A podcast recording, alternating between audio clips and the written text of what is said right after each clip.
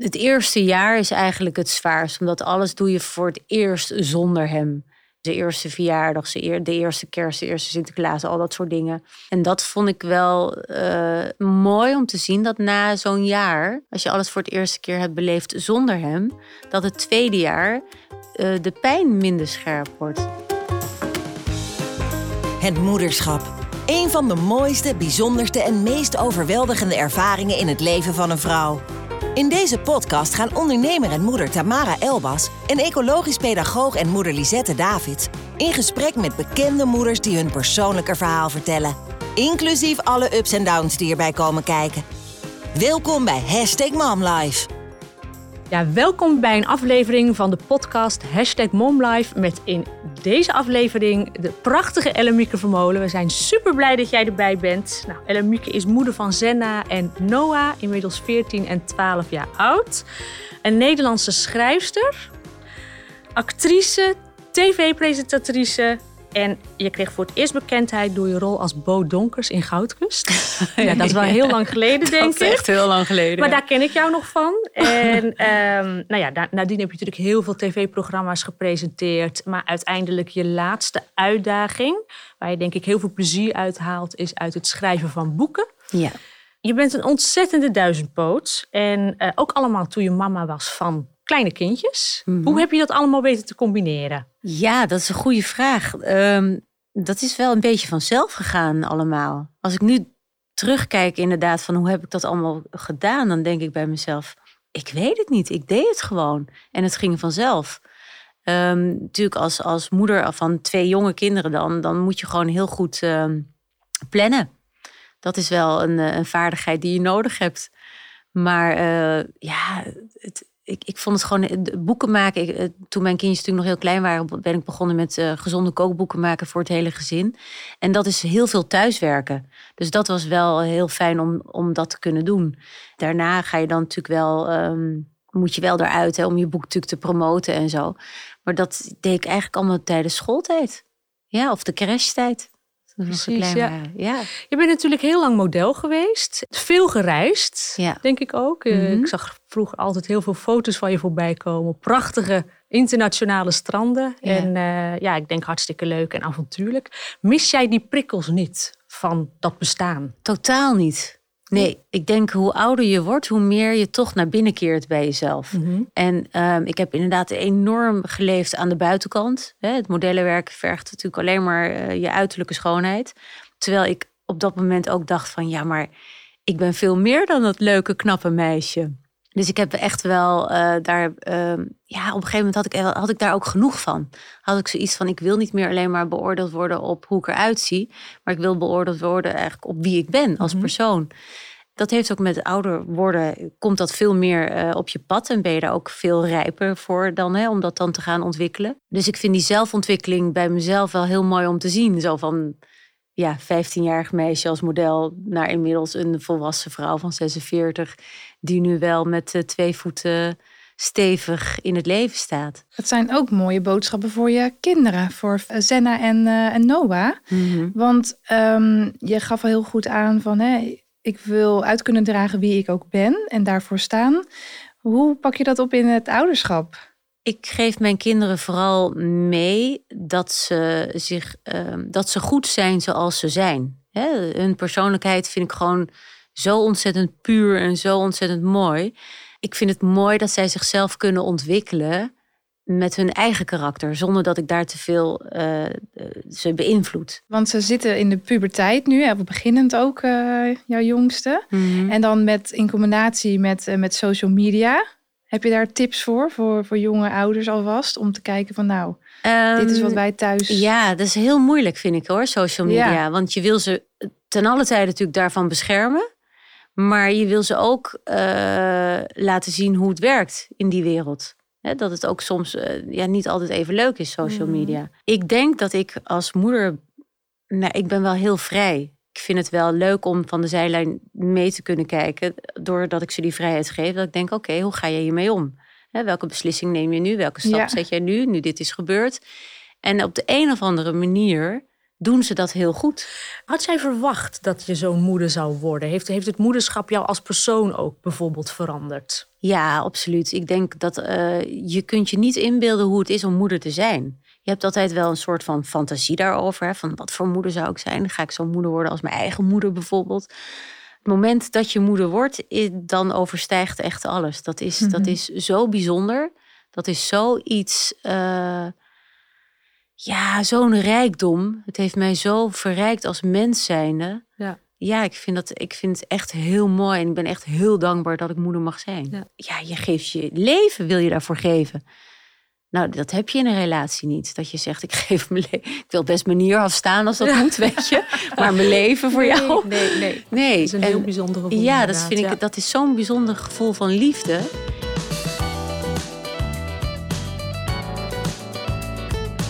Wat was je eerste reis met de kids? Um, ik denk, toen Noah was nog net nog geen drie maanden. En toen wow. naar Marrakesh, naar Marokko zijn we toe geweest. Ja, dat was al redelijk snel, vond ik. Hoe vond je dat? Um, ik vond het heel leuk, maar ook wel heel heftig. Omdat Marrakesh is zo'n drukke stad. Oh ja. En ik weet nog dat het, in die Maxico's, in die kinderwagen... dat we daar door, door die um, stad heen liepen. En al die mensen kwamen echt gewoon om die kinderwagen. dat ik echt dacht, oh, we moeten hier weg, we moeten hier weg. Weet je, dadelijk is mijn kind wordt meegenomen of zo. Ik voelde wel een soort van ja, angst spannend, daar. Ja. ik vond het heel spannend. Ja. En op reis gaan met een babytje van drie maanden. Heb je nog tips voor ouders die uh, dat ook willen ondernemen? Ja, gewoon doen echt gewoon doen. Want, maar wel een rustige stad dus opzoeken. Ja, nou, ik zou inderdaad uh, lekker naar het strand gaan of zo. Weet je. Ik zou geen citytrip... Ja, ik zou, ja, laat ik zo zeggen, geen citytrip doen. Ik zou iets doen waar je het beide kunt combineren of zo een dagje stad, maar niet continu in, in een stad. Maar een, ja, zo een kind voelt jou aan. Dus hoe relaxer jij bent, hoe relaxer je kind ook is. Jij hebt nu de zorg uh, over jouw twee kinderen. Hoe, hoe, hoe, is de zorgverdeling? Beslissen ze daarover mee? Of zijn ze altijd bij jou? Uh, of om het weekend juist weer niet? Om het weekend zijn ze bij hun vader. Dus in principe heb ik ze uh, ja, natuurlijk bijna altijd. Ja. Uh, ook omdat hun vader veel werkt. Dus die weekenden worden ook nog wel eens zo van... oké, okay, het lukt nu niet. Mm. Dus ze zijn meestal wel bij mij, ja. Ja, want hij is natuurlijk vaak ook s'avonds, denk ik, weg. En... Ja, hij doet wel zijn best hoor, om de weekenden, als het zijn weekenden zijn... om er dan ook echt te zijn voor ze. En de vakanties delen we, dus hij gaat ook wel uh, met ze op reis. Dus dat is ook wel heel erg leuk. Om dan uh, dat zij die binding krijgen met hun vader. Want dat vind ik wel heel belangrijk. Mm -hmm. ja, ja ze hebben wel een vaderfiguur nodig natuurlijk. Ja, ze leven nu zo in die vrouwelijke energie bij mij. dat ik echt af en toe probeer mijn mannelijke energie naar boven te halen. Dat ik denk, ze moeten toch ook een beetje die mannelijke energie ja. uh, meekrijgen. Ja. Ja. ja, misschien. Ja, niet altijd. niet altijd. Ja, dat, dat klopt, ja. Maar... Ik daar een juiste balans in vinden. Ja, hoe werkt dat als, als expert? Uh... Nou, ja. ja, nou ja, ik denk dat dat ook wel een natuurlijk proces is. Dat als uh, persoon zijn dat je aanvoelt op het moment dat je kind ergens behoefte aan heeft. Bijvoorbeeld, ik heb uh, meerdere zonen thuis. We hebben echt een mannenhuishouden. En ik merk ook af en toe die momenten dat ze willen stoeien. Mhm. En dan zoek ik wel een beetje op mijn manier hoe ik dat kan doen. En ik denk ook, nou ja, stel je bent een, een familie met twee moeders, dat je dat toch gaat aanvoelen van, oh nou, nu moet ik ook even dat ruwe laten zien. Of ik wil toch op dit moment dat hij wat doorzet. Of ik wil toch op dit moment eventjes dat hij, ja, uh, nou ja, laat ik het samenvatten.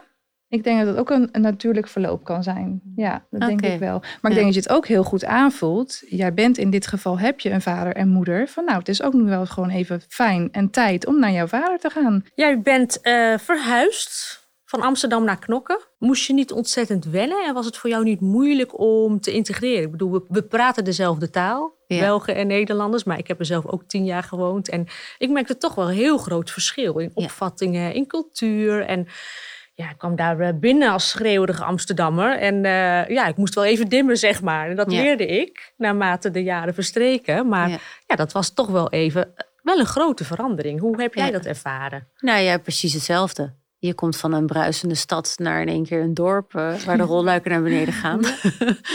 um, nu valt knokken nog wel mee. Hè. Dat is ook wel redelijk bruisend mhm. daar. Ja, ik moest wel mijn plekje weer vinden. Absoluut, ook omdat ik natuurlijk, ja, ik liet al mijn vriendinnen daarachter in Amsterdam. Ik moest weer helemaal opnieuw beginnen. Dus dat vond ik wel heel erg moeilijk. Ja, de eerste twee jaar heb ik echt wel uh, afgezien. Mhm. ja. Je bent eigenlijk moeder van drie kinderen. Mhm. Er is namelijk ook een sterrenkindje genaamd Joshua. Ja. Ehm, een dag voor de uitgerekende datum klopte zijn hartje uh, niet meer. Mhm.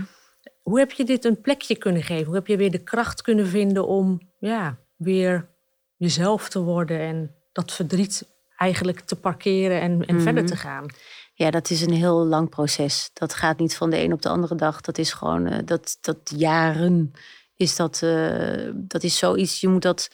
Het eerste jaar is eigenlijk het zwaarst, omdat mhm. alles doe je voor het eerst zonder hem.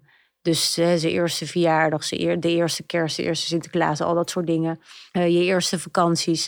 En dat vond ik wel mooi om te zien dat na zo'n jaar als je alles voor het eerste keer hebt beleefd zonder hem, dat het tweede jaar uh, de pijn minder scherp wordt en het verdriet ook minder wordt.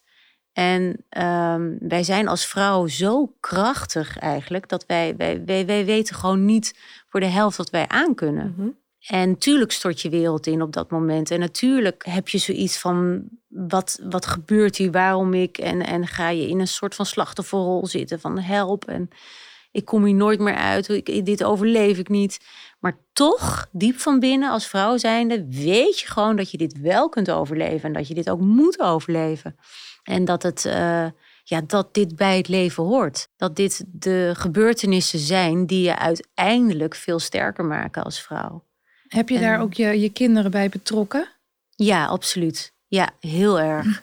En uh, ik vind het heel mooi om te zien dat ze daar nu nog steeds uit zichzelf over praten. Of mm. uh, nog steeds dingen kunnen zeggen als van... Uh, oh, maar dit zou de eerste keer voor Joshua geweest zijn.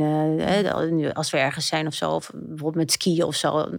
Ja, want er schiet mij net iets te binnen dat ik dacht... oh, ik heb ook gelezen dat je met die datum iets speciaals wil doen. Ja. Dit jaar. Nou ja, nu deze, dit jaar, uh, 2 maart, is zijn geboortedag, zijn verjaardag.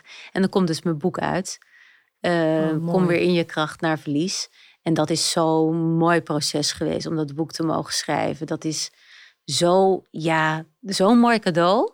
Ik heb dat echt van hem mm. gekregen, dit, dit boek. Dat is zoiets moois om nu de wereld in te kunnen gaan. Mm en dan beschrijf je ook de rauwe kant van het verlies? Ja, en het herstel. Ja. Of tenminste herstel. Nou ja, het ja hoe je er weer uitkomt. Hè? Hoe je weer uit je verlies komt, zeg maar. En, en het verdriet, dat blijft altijd. Je zult mhm. altijd dagen hebben dat je denkt van... oh, ik, ik, ik, ik, ik ja. zie het even niet meer zitten. Of mm een gebeurtenis. Of weet ik veel wat er op je pad komt... waardoor je er weer in dat verdriet wordt getrokken. Maar dat is oké. Dat mag. Als jij gewoon tegen jezelf zegt... oké, ik heb vandaag even zo'n dag dat ik me verdrietig voel... om het verlies van mijn kind. Dat mag. Omarm het. Laat het verdriet toe. Wat was de reden dat je zoiets had van ja, ik wil er een boek over schrijven? Was dat een stukje verwerking of andere mensen helpen? Uh, ik wilde sowieso het verhaal opschrijven voor mijn twee jongens, omdat die hmm. best wel relatief jong waren toen het gebeurde. Dus ik dacht, ik ga gewoon mijn verhaal, dit verhaal, hoe het is gebeurd, allemaal opschrijven voor hun voor later. Maar ik kreeg in die periode ook echt, en nog steeds dagelijks, echt mailtjes van andere vrouwen, andere lotgenoten. Wow. En ik dacht, ja, ik kan niet dat continu allemaal maar blijven beantwoorden. Weet je, en iedere keer mm. weer dezelfde, ja, mijn verhaal in het kort. En toen dacht ik, ik ga het bundelen. Ik ga gewoon van A tot Z het op papier zetten. Hoe ik het heb beleefd, hoe ik het heb gedaan, hoe ik eruit ben gekomen. En dat, uh, ja, dat is uh, tot één mooi boek uh, gekomen met tools ook voor, om er weer uit te komen om het, om het verdriet een plek te geven, om ermee te kunnen leven. En ook super speciaal dat het op eh, zijn geboortedag eigenlijk, 2 maart. Uh, ja. Ja, ja. nou ja, dat is wel wat ik graag wilde, omdat, het, omdat ik het echt zie als een cadeau van hem.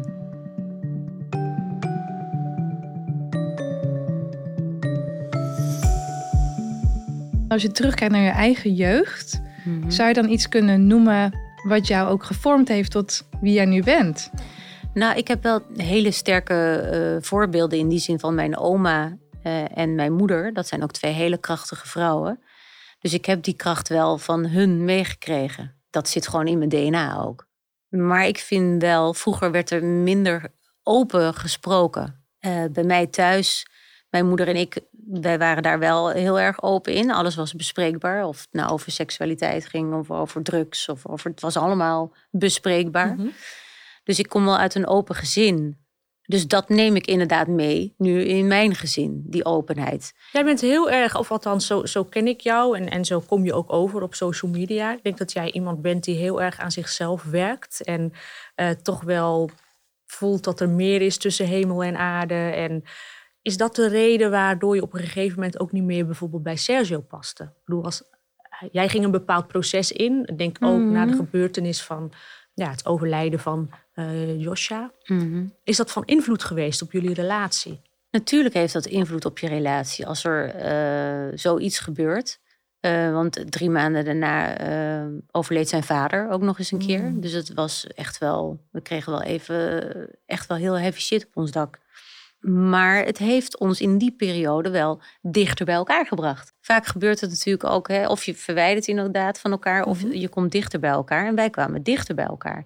Dus dat had absoluut geen invloed op onze breuk. Ja, en, en wat betreft het hebben van een scheiding, heb jij misschien ook advies wat jou, voor jou gewerkt heeft om uh, de scheiding goed ook met je kinderen. Ja.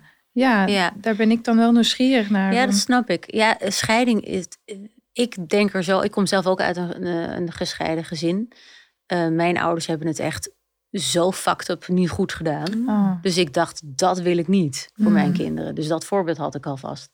Dus ik geloof er heel erg in dat je, als je uit elkaar gaat, het is heel oké. Het is heel normaal. Het mag in deze tijd om uit elkaar te gaan. Je hoeft niet meer krampachtig bij elkaar te blijven. Ik geloof zelfs voor kinderen dat het beter is om te zien dat je als ouders die beslissing kunt maken uit liefde om uit elkaar te gaan, dan om bij elkaar te blijven voor de kinderen bijvoorbeeld. Weet je, we zijn zo, zo ontwikkeld als vrouw zijn en we kunnen zoveel meer als dat wij denken, dat ik denk, ja, weet je, kom op, waar is die, laat je power zien. Weet Inderdaad. Je? Inderdaad, Annemieke. Ja.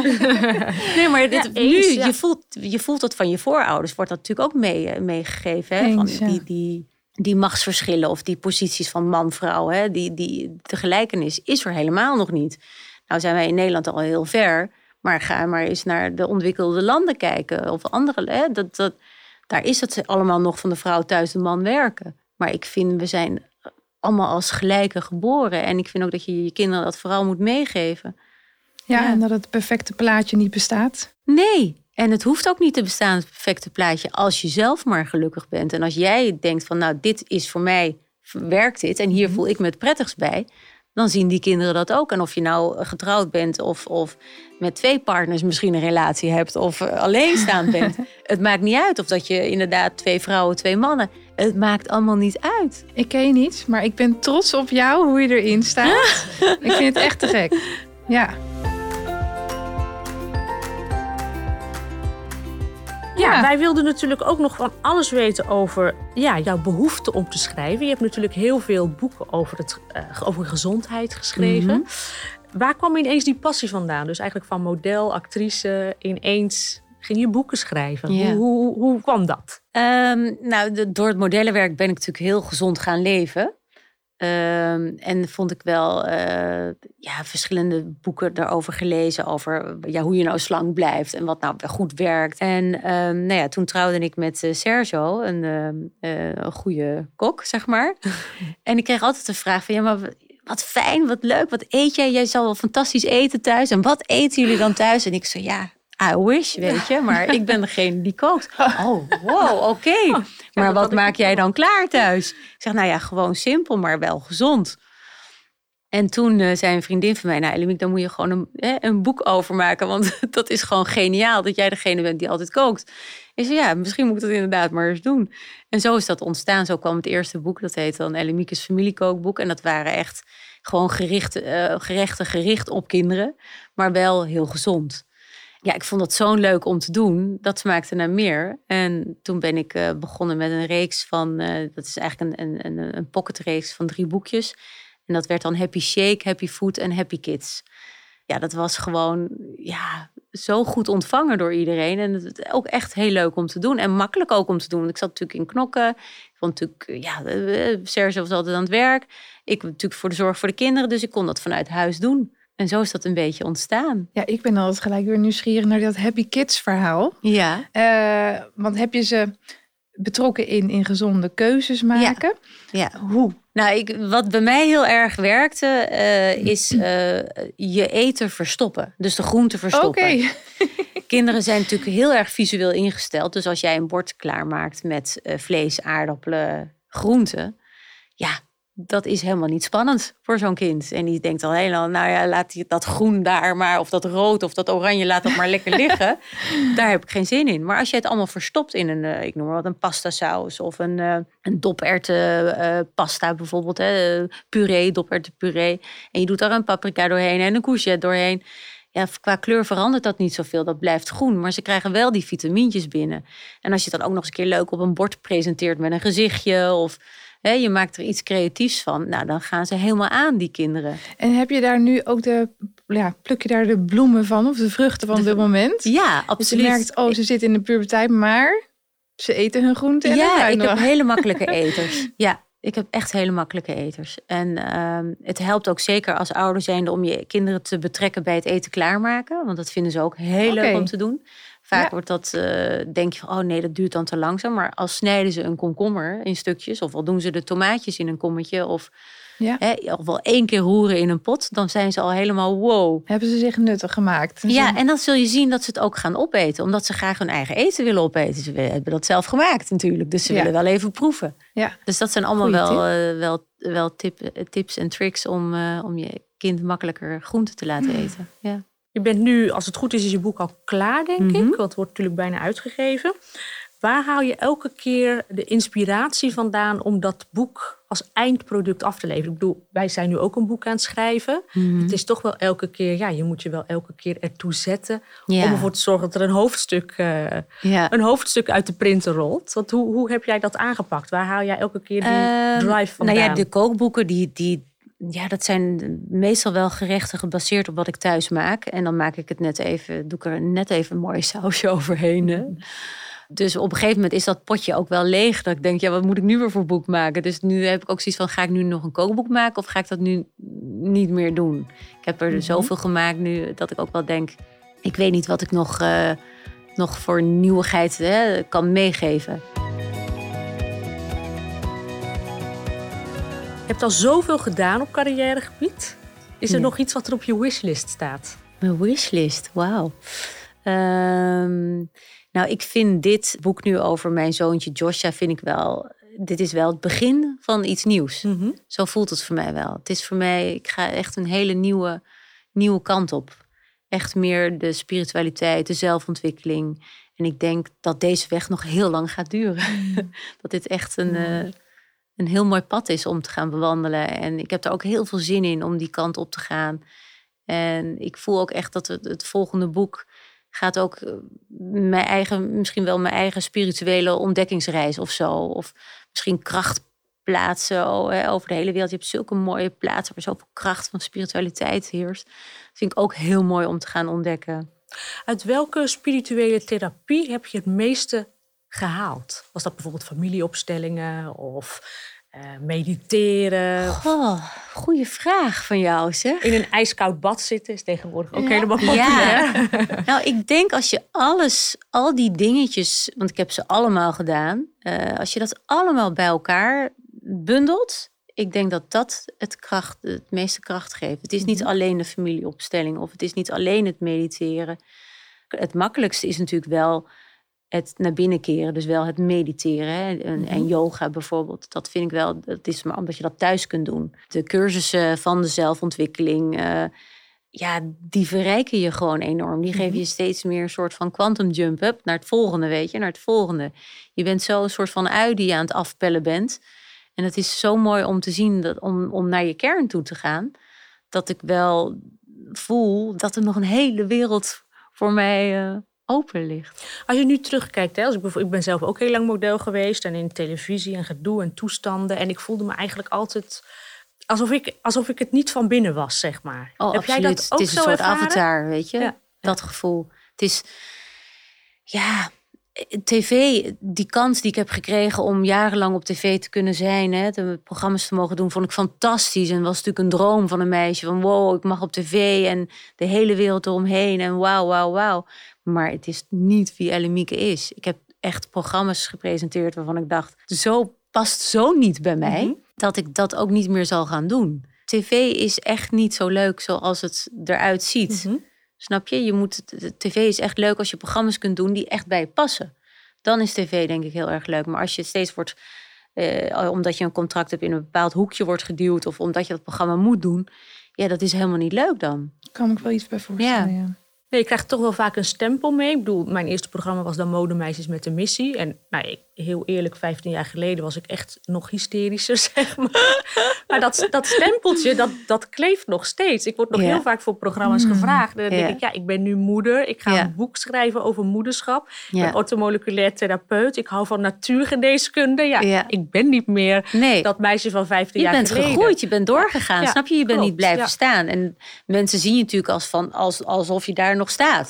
Terwijl dat je dat zelf niet zo bent. Dus het is heel belangrijk om jezelf erin te bewaken en te beschermen. Van oké, nee, dat doe ik ook niet meer. Ik ga niet meer aan dat programma meedoen of ik ga niet meer dat doen.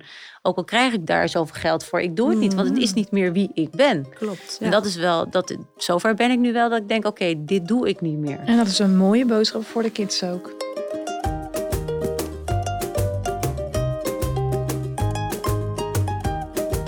We hadden nog een aantal vragen voor jou. Ehm, we vinden het altijd leuk om verder in te gaan op wat voor tips je zou willen meegeven aan aanstaande moeders. Goh, geniet nu nog even van de tijd dat je nog geen moeder bent. ja. uh, maar vertrouw ook op je moederinstinct. Ja. Vertrouw op die, die, die vrouwelijke energie hmm. die er voor je is om moeder te mogen zijn. Want ehm, je wordt zo onzeker als je net moeder bent en je gaat zo twijfelen aan jezelf. En dat is helemaal niet nodig. Mhm. Want je diep van binnen weet je al dat het goed is, dat je het kan. Dat je het, wij zijn daarvoor gemaakt om moeder te worden. Ja. ja, dat is wel een mooi. Kijk, in die zin, je krijgt een heel protocol altijd mee bij het consultatiebureau. Ja. En ja, nee, dat moet op die manier en dat moet op die manier. En daar ging ik, de eerste paar maanden ging ik daar echt wel in mee. Want ik dacht, mhm. ja, ik ben net moeder, wat weet ik nou? Ja. En op een gegeven moment dacht ik van, nee, dit voelt niet goed. Dat is, niet goed voor mijn kind. Dat gaan we ook niet doen. Je moederinstinct is ja. zoveel sterker dan het consultatiebureau. Wat zegt dan die prik, dan die prik, of dan dit of dan dat. Het moederschap is zoveel meer uh, holistischer, vind ik. Dan dat je maar mee moet gaan met hè, de waarden en de normen van de maatschappij. Ik weet in de tijd, maar ik denk dat dat boek nog wel bestaat. Oei, ik groei. Ja vond ik een heel fijn boek als moeder zijnde. Omdat je dan die, hè, met die sprongetjes dacht ik, waarom is hij nou zo grumpy? Mhm. Oh ja, hij maakt een sprongetje. Dat vond ik wel een fijn boek. Ja. ja, maar in die zin, en dat is ook de reden denk ik waarom wij, wij een boek gaan schrijven. Er zijn de boeken die op de markt worden gebracht, zijn nog heel erg van hoe dachten we erover in de jaren tachtig. Ja. En heel veel dingen die zijn niet meer zoals ze toen de tijd um, werden bepaald. Klopt. En ik denk dat dat dat gevoel is er bij heel veel jonge mama's. Ja. En ik denk dat het wel tijd is voor een nieuwe stroming of nieuwe keuzes. Absoluut. Ehm, we gaan er in ieder geval een stroming neerzetten dat er keuzevrijheid is. Ja, nou dat is belangrijk hè, die keuzevrijheid. Ja, inderdaad. is. En niet het, het labeltje erop aan vastplakken van het moet zo, de regeltjes. Mm Er moet helemaal niks in het moederschap, vind ik. Jezelf als moeder zijnde, hè, daar heb je eigenlijk in feite genoeg aan. En ja, als moeder, als jij liefde kunt geven, dat is het mooiste cadeau. Het allermooiste cadeau. Het kind heeft in feite alleen maar liefde nodig. Mhm. Alleen maar liefde. Zie jij jezelf terug in je kinderen? Qua karakter? Of... Ja, ja? ja absoluut. Ja. Maar ook hun vader. Ik zie echt uh, ons beiden in de kinderen terug. Ja.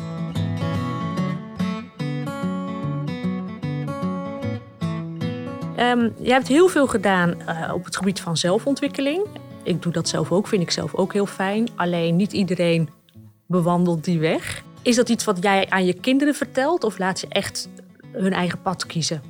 Ik laat ze zeker hun eigen pad kiezen, maar ik vertel wel mijn, mijn verhaal, mijn pad, zeg maar, mhm. mijn weg. Daar pikken zij wel dingetjes natuurlijk van mee. En of dat nou gaat over de, de invloeden van de maan, of dat het nou gaat over dat er meer is tussen hemel en aarde. Dat, daar, daar, heb je wel gesprekken over. Mhm. Maar het is niet dat ik ze opleg. Ik laat ze gewoon heel vrij in hun, uh, in hun keuze en in, in hun gedachten.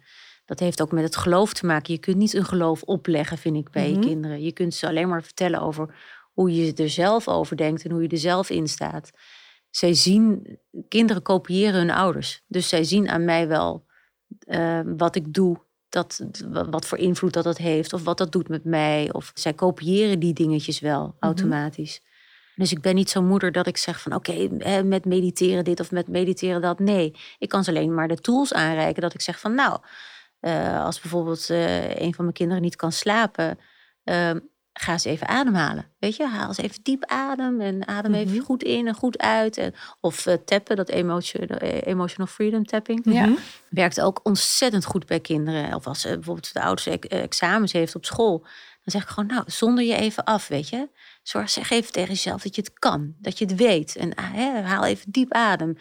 Maar gewoon door de druk van de maatschappij, van die school, van hè, we moeten toetsen, examens doen en je moet het kunnen. Dat, dat, dat, dan raakt een kind al helemaal paniekerig en mhm. helemaal van die druk is zo hoog voor een kind. Klopt, ja. Zo, zo heftig. Dat ik juist, hè? ja, dat ik juist probeer dat weg te halen. Juist probeer van nee, in je eigen kracht moet je geloven. Kon jou praten over hemel, tussen hemel en aarde? Ja. Heb jij hemel en aarde ervaringen bijvoorbeeld ook met als het Joshua aangaat? Of ja, absoluut. Voel je nog dat hij in jouw aanwezigheid Altijd. is? Ja? ja, ik hoef maar dit te doen en ik, uh, hij zit hier, hij is hier, weet je. Uh, in het begin was hij er altijd. Dat mm voelde ik mhm. wel. Daar is, ik heb ook echt door hem een soort van gechanneld mijn boek geschreven. Dat ging, dat ging echt mhm. vanzelf. Dat was, ik ging zitten en ik kon mijn ogen dicht doen en het was daar. Ook de, de hoofdstukken die ik moest schrijven, oh, dat, dat kreeg ik gewoon door. En nu, ik weet nu dat hij gewoon, ja, ook met bijvoorbeeld met, met het ongeluk met die boom. Het is ook denk ik niemand ontgaan. Ik, ik heb met je auto, hè? Ja, met mijn auto. Ja, dat was wereldnieuws, ja. Nou ja, dat was echt split second, weet je. Ja. Dat zijn ook van die momenten dat ik denk, ja, hij is daar. Hij, hij, ik heb altijd een beschermengel bij mij. Altijd. Mm. En de Heeft kinderen... de medium dat wel eens tegen je gezegd? Dat hij er ehm, is als beschermengel? Ja, hij is, ja, hij is hier om mij ehm, om dingen door te geven. Hmm. Een doorgeefluik ben ik. Ja, absoluut. Nou, ik denk ook met jouw boek, eh, de, ik bedoel, jij zal het ongetwijfeld gemerkt hebben dat er veel meer vrouwen hebben ja, gestruggeld met mhm. hetgeen wat jij hebt meegemaakt natuurlijk. Mhm. En ik denk dat jouw boek een troost gaat zijn voor hun. En misschien ook wel een handleiding van hoe, hoe kom je hier bovenop. Ja. En ja. ja, als Joshua jou daarbij heeft geholpen, is dat natuurlijk alleen maar heel mooi. Ja. Ja, en zo voelt het boek ook. Het boek voelt als een. een, een ik heb het gekregen van Joshua, mhm. maar het is, uh, dat is zijn cadeau aan mij. Maar mijn cadeau is mijn boek aan al die vrouwen die hier zoveel uit gaan halen. Precies. Zoveel uh, erkenning vooral. Kracht. Want dat is wat ik, mhm. wat, waarvan ik wil dat die, dat die vrouw weer terugkomt in haar kracht. Het niet opgeven, het niet Hè, niet in, in die slachtofferrol gaan zitten. Het mhm. niet in die pijn gaan zitten continu. Maar juist ervoor kiezen van voor het leven. Want het leven heeft zoveel nog te bieden. En het leven is leuk, weet je. Het, leven is, ja, is zoiets uh, bijzonders ook. Mhm. Mooi. Veel van. Ja, wij zijn ontzettend benieuwd naar je boek. We gaan het zeker lezen. Ja, dat weet ik wel. We zijn echt, uh, echt nieuwsgierig. 2 maart ligt het, uh, is het online verkrijgbaar. En ja. uh, nou, ik ga ervan uit ook wel in de boekhandels. Ja. Ik vond het in ieder geval super leuk dat je naar onze podcast interview wilde komen. En um, ja, we willen je bedanken voor je komst. Ja, jullie bedankt dat ik mocht komen. Ik vond het echt heel erg leuk. Dankjewel. Bedankt voor het luisteren naar de podcast Hashtag MomLife. In de volgende aflevering gaan Tamara en Lisette in gesprek met weer een andere bekende moeder. Met een nieuw bijzonder verhaal. Vond je de aflevering leuk? Abonneer je op het podcast en YouTube kanaal van Hashtag MomLife. Ook leuk als je een recensie achterlaat. Tot de volgende aflevering.